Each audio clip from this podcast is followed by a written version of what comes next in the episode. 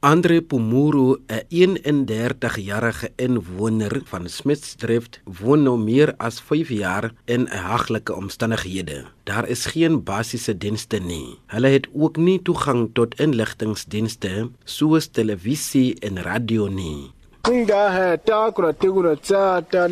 Ons gaan nie die plek los nie. Hier het ons families gesterf en begrawe. Ons sukkel baie met behuising, water en elektrisiteit.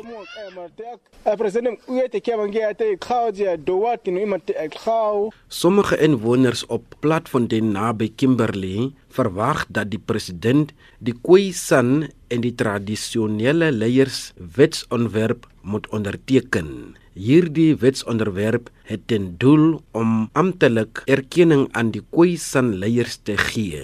Die Khoi en San tradisionele bel moet geteken word sodat die regering moet ons as 'n Khoi en San gemeenskappe herken word.